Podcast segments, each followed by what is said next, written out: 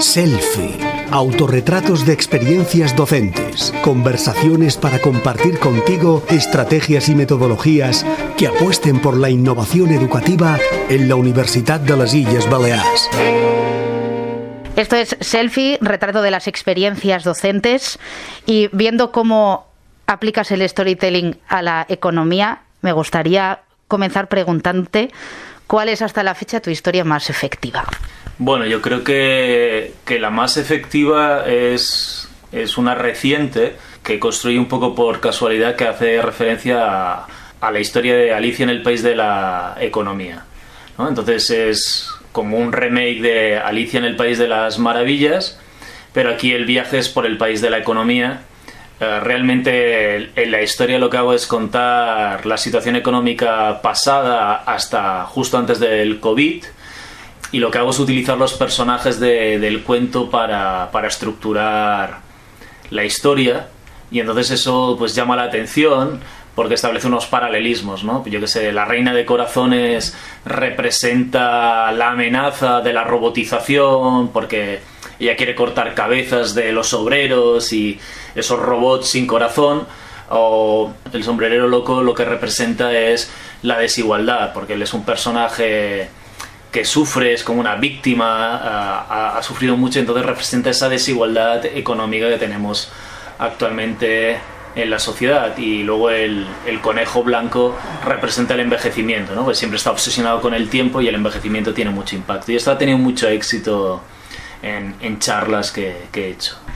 Hablabas del espantapájaros porque la del mago de Oz es otra de las historias que hemos podido ver, que podemos ver en tu charla sobre tu metodología y que también imagino funciona funciona muy bien, porque aunque no todos creen que el libro fuese escrito con esos paralelismos, no sé qué es lo que opinas tú después de haberlo analizado y aplicado, imagino que también con éxito entre los alumnos. Eh, yo quiero creer que sí, quiero creer que sí. Y, la verdad es, aquí simplemente lo, lo utilizo como un ejemplo en clase y el ejemplo funciona. Lo que sí que te das cuenta es, como en otras veces que he hecho alguna cosa de estas, que encontrar referentes universales cada vez es más difícil, ¿no? Porque cada vez hay menos alumnos que sepan la historia del mago de Oz. En la última clase había un alumno que había visto la película, entonces no saben de qué va el mago de Oz. Entonces cada vez esto pues es menos útil, pero incluso referentes muy universales que puedas tener como son Star Wars, hoy en día te encuentras muchos alumnos que no han visto las películas de Star Wars. Y hace unos años tuve la idea que al final no desarrollé de, hacer un storytelling de alguna cosa, de un tema de economía y el, el, patrón que quería seguir era el de Juego de Tronos, pero luego también me di cuenta que Juego de Tronos también solo lo seguían un par de alumnos y otros no sabían nada de la historia. Entonces, hoy en día es difícil encontrar referentes universales, pero hay algunas cosas que sí que funcionan muy bien, ¿no? Un ejemplo que, que me funciona muy bien, porque es verdad que sí que el referente es como un icono, es cuando utilizo el personaje de Darth Vader para explicar un, un tema de, de, economía que es la teoría del capital óptimo, que es una cosa así como muy farragosa y además con unas ecuaciones.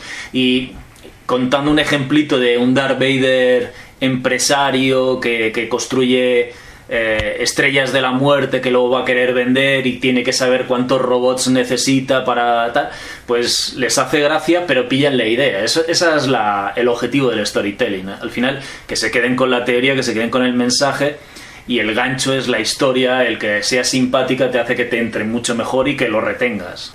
Poder recordar de una manera más vivida cuál es ese concepto que de otra manera sería más complicado, ¿no? que pudiesen integrar.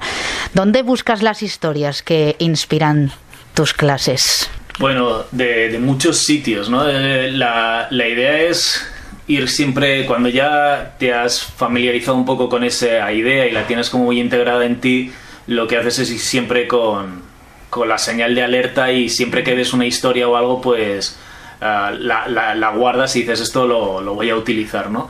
Hay veces que puede ser que la lees en un, en un libro de, economía mismo, encuentras historias o anécdotas que, que, dices esto pues me va perfecto para una clase porque me llama la atención, entonces va a enganchar al alumno y otras simplemente eh, es creatividad, ¿no?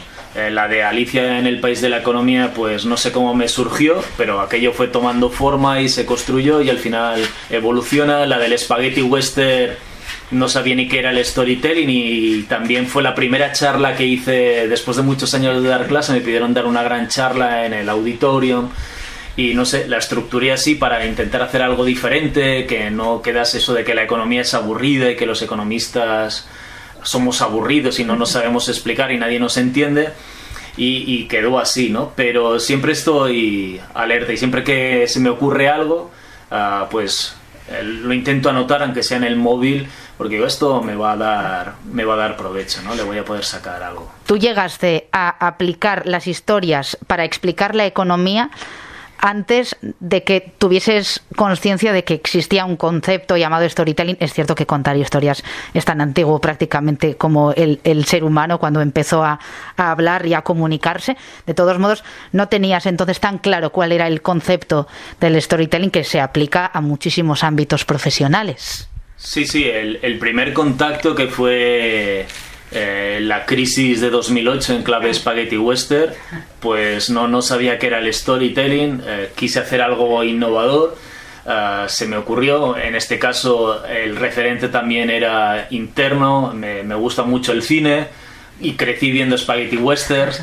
Y me pareció gracioso por los títulos. Los títulos son muy rimbombantes. Al final no contaba un Spaghetti Western, sino que los títulos me servían para ir encadenando partes y entonces eso de por un puñado de dólares hacía referencia a esa codicia de los mercados financieros eh, hasta que llegó su hora pues dices en ese momento tenemos el crack y empieza a caer todo. Bueno es, es esa idea no eh, de, utilizar los títulos de, las películas para, ir construyendo una idea y la verdad es que eh, cuadraban ah cuadraban muy bien. El bueno, el feo y el malo, que el gobierno que intentaba ah, rescatar a la economía, pero luego se ve que es, eh, se les empieza a descarriar todo el tema del déficit público y la deuda, entonces pasa a ser feo y al final se vieron obligados a subir impuestos y a, hacer recortes y pasaron a ser el malo. Era el mismo personaje que pasaba a ser las tres cosas. Sí, eran como titulares de, del de esto, pero bueno, quedó al final como muy ritmo spaghetti western y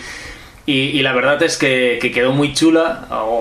a mí me gustó. Hubo gente que también le gustó. De hecho, eh, días antes de hacer esta charla, mucha gente por el campus me preguntaba, oye, pero esto de qué va, ¿no? Porque era como muy desafiante en aquel momento, sobre todo en un ámbito como el académico, que a veces somos como muy un poco estirados, ¿no? Y queremos ser excesivamente formales. Como decía en, en la charla utilizar el storytelling no, no quita rigor ni al mensaje, ni tienes que quitar ah, la utilización de elementos formales como son las matemáticas y al final soy muy riguroso, pongo muchas matemáticas, muy tal, pero bueno, hay muchos economistas muy serios y muy prestigiosos que sostienen que los modelos económicos son historias. E incluso uno dice que son fábulas, porque al final lo que tú haces es introducir una historia donde hay unos personajes que son ecuaciones que interactúan entre ellos y al final hay un desenlace. En los modelos hay un desenlace que normalmente tiene como una enseñanza moral, ¿no? Te viene a decir algo. Y muchas veces es un mensaje muy simple, ¿no? De si haces esto va a pasar esto. Esa idea de causa-efecto, de un poco de lo de Caperucita y el lobo. Si vas solo y no sé qué, alerta con los desconocidos bueno, pues lo mismo a veces en los modelos económicos, tal cosa, si haces tal cosa, el efecto va a ser ese, ¿no? Entonces, pero con ecuaciones. Y, a mí me gustó cuando leí algunas cosas de estas, de, esa visión de, los modelos como, como historias, como fábulas, y más cuando lo decían economistas muy prestigiosos. Bueno, realmente uno de los que lo dice es Danny Roderick, que recibió el, el Premio Príncipe de Asturias de las Ciencias Sociales ahora en la última edición, ¿no? Estás escuchando Selfie, el espacio para que descubras las experiencias docentes más innovadoras de la Universidad de las Islas Baleares. ¿Con qué historia contarías la crisis del coronavirus?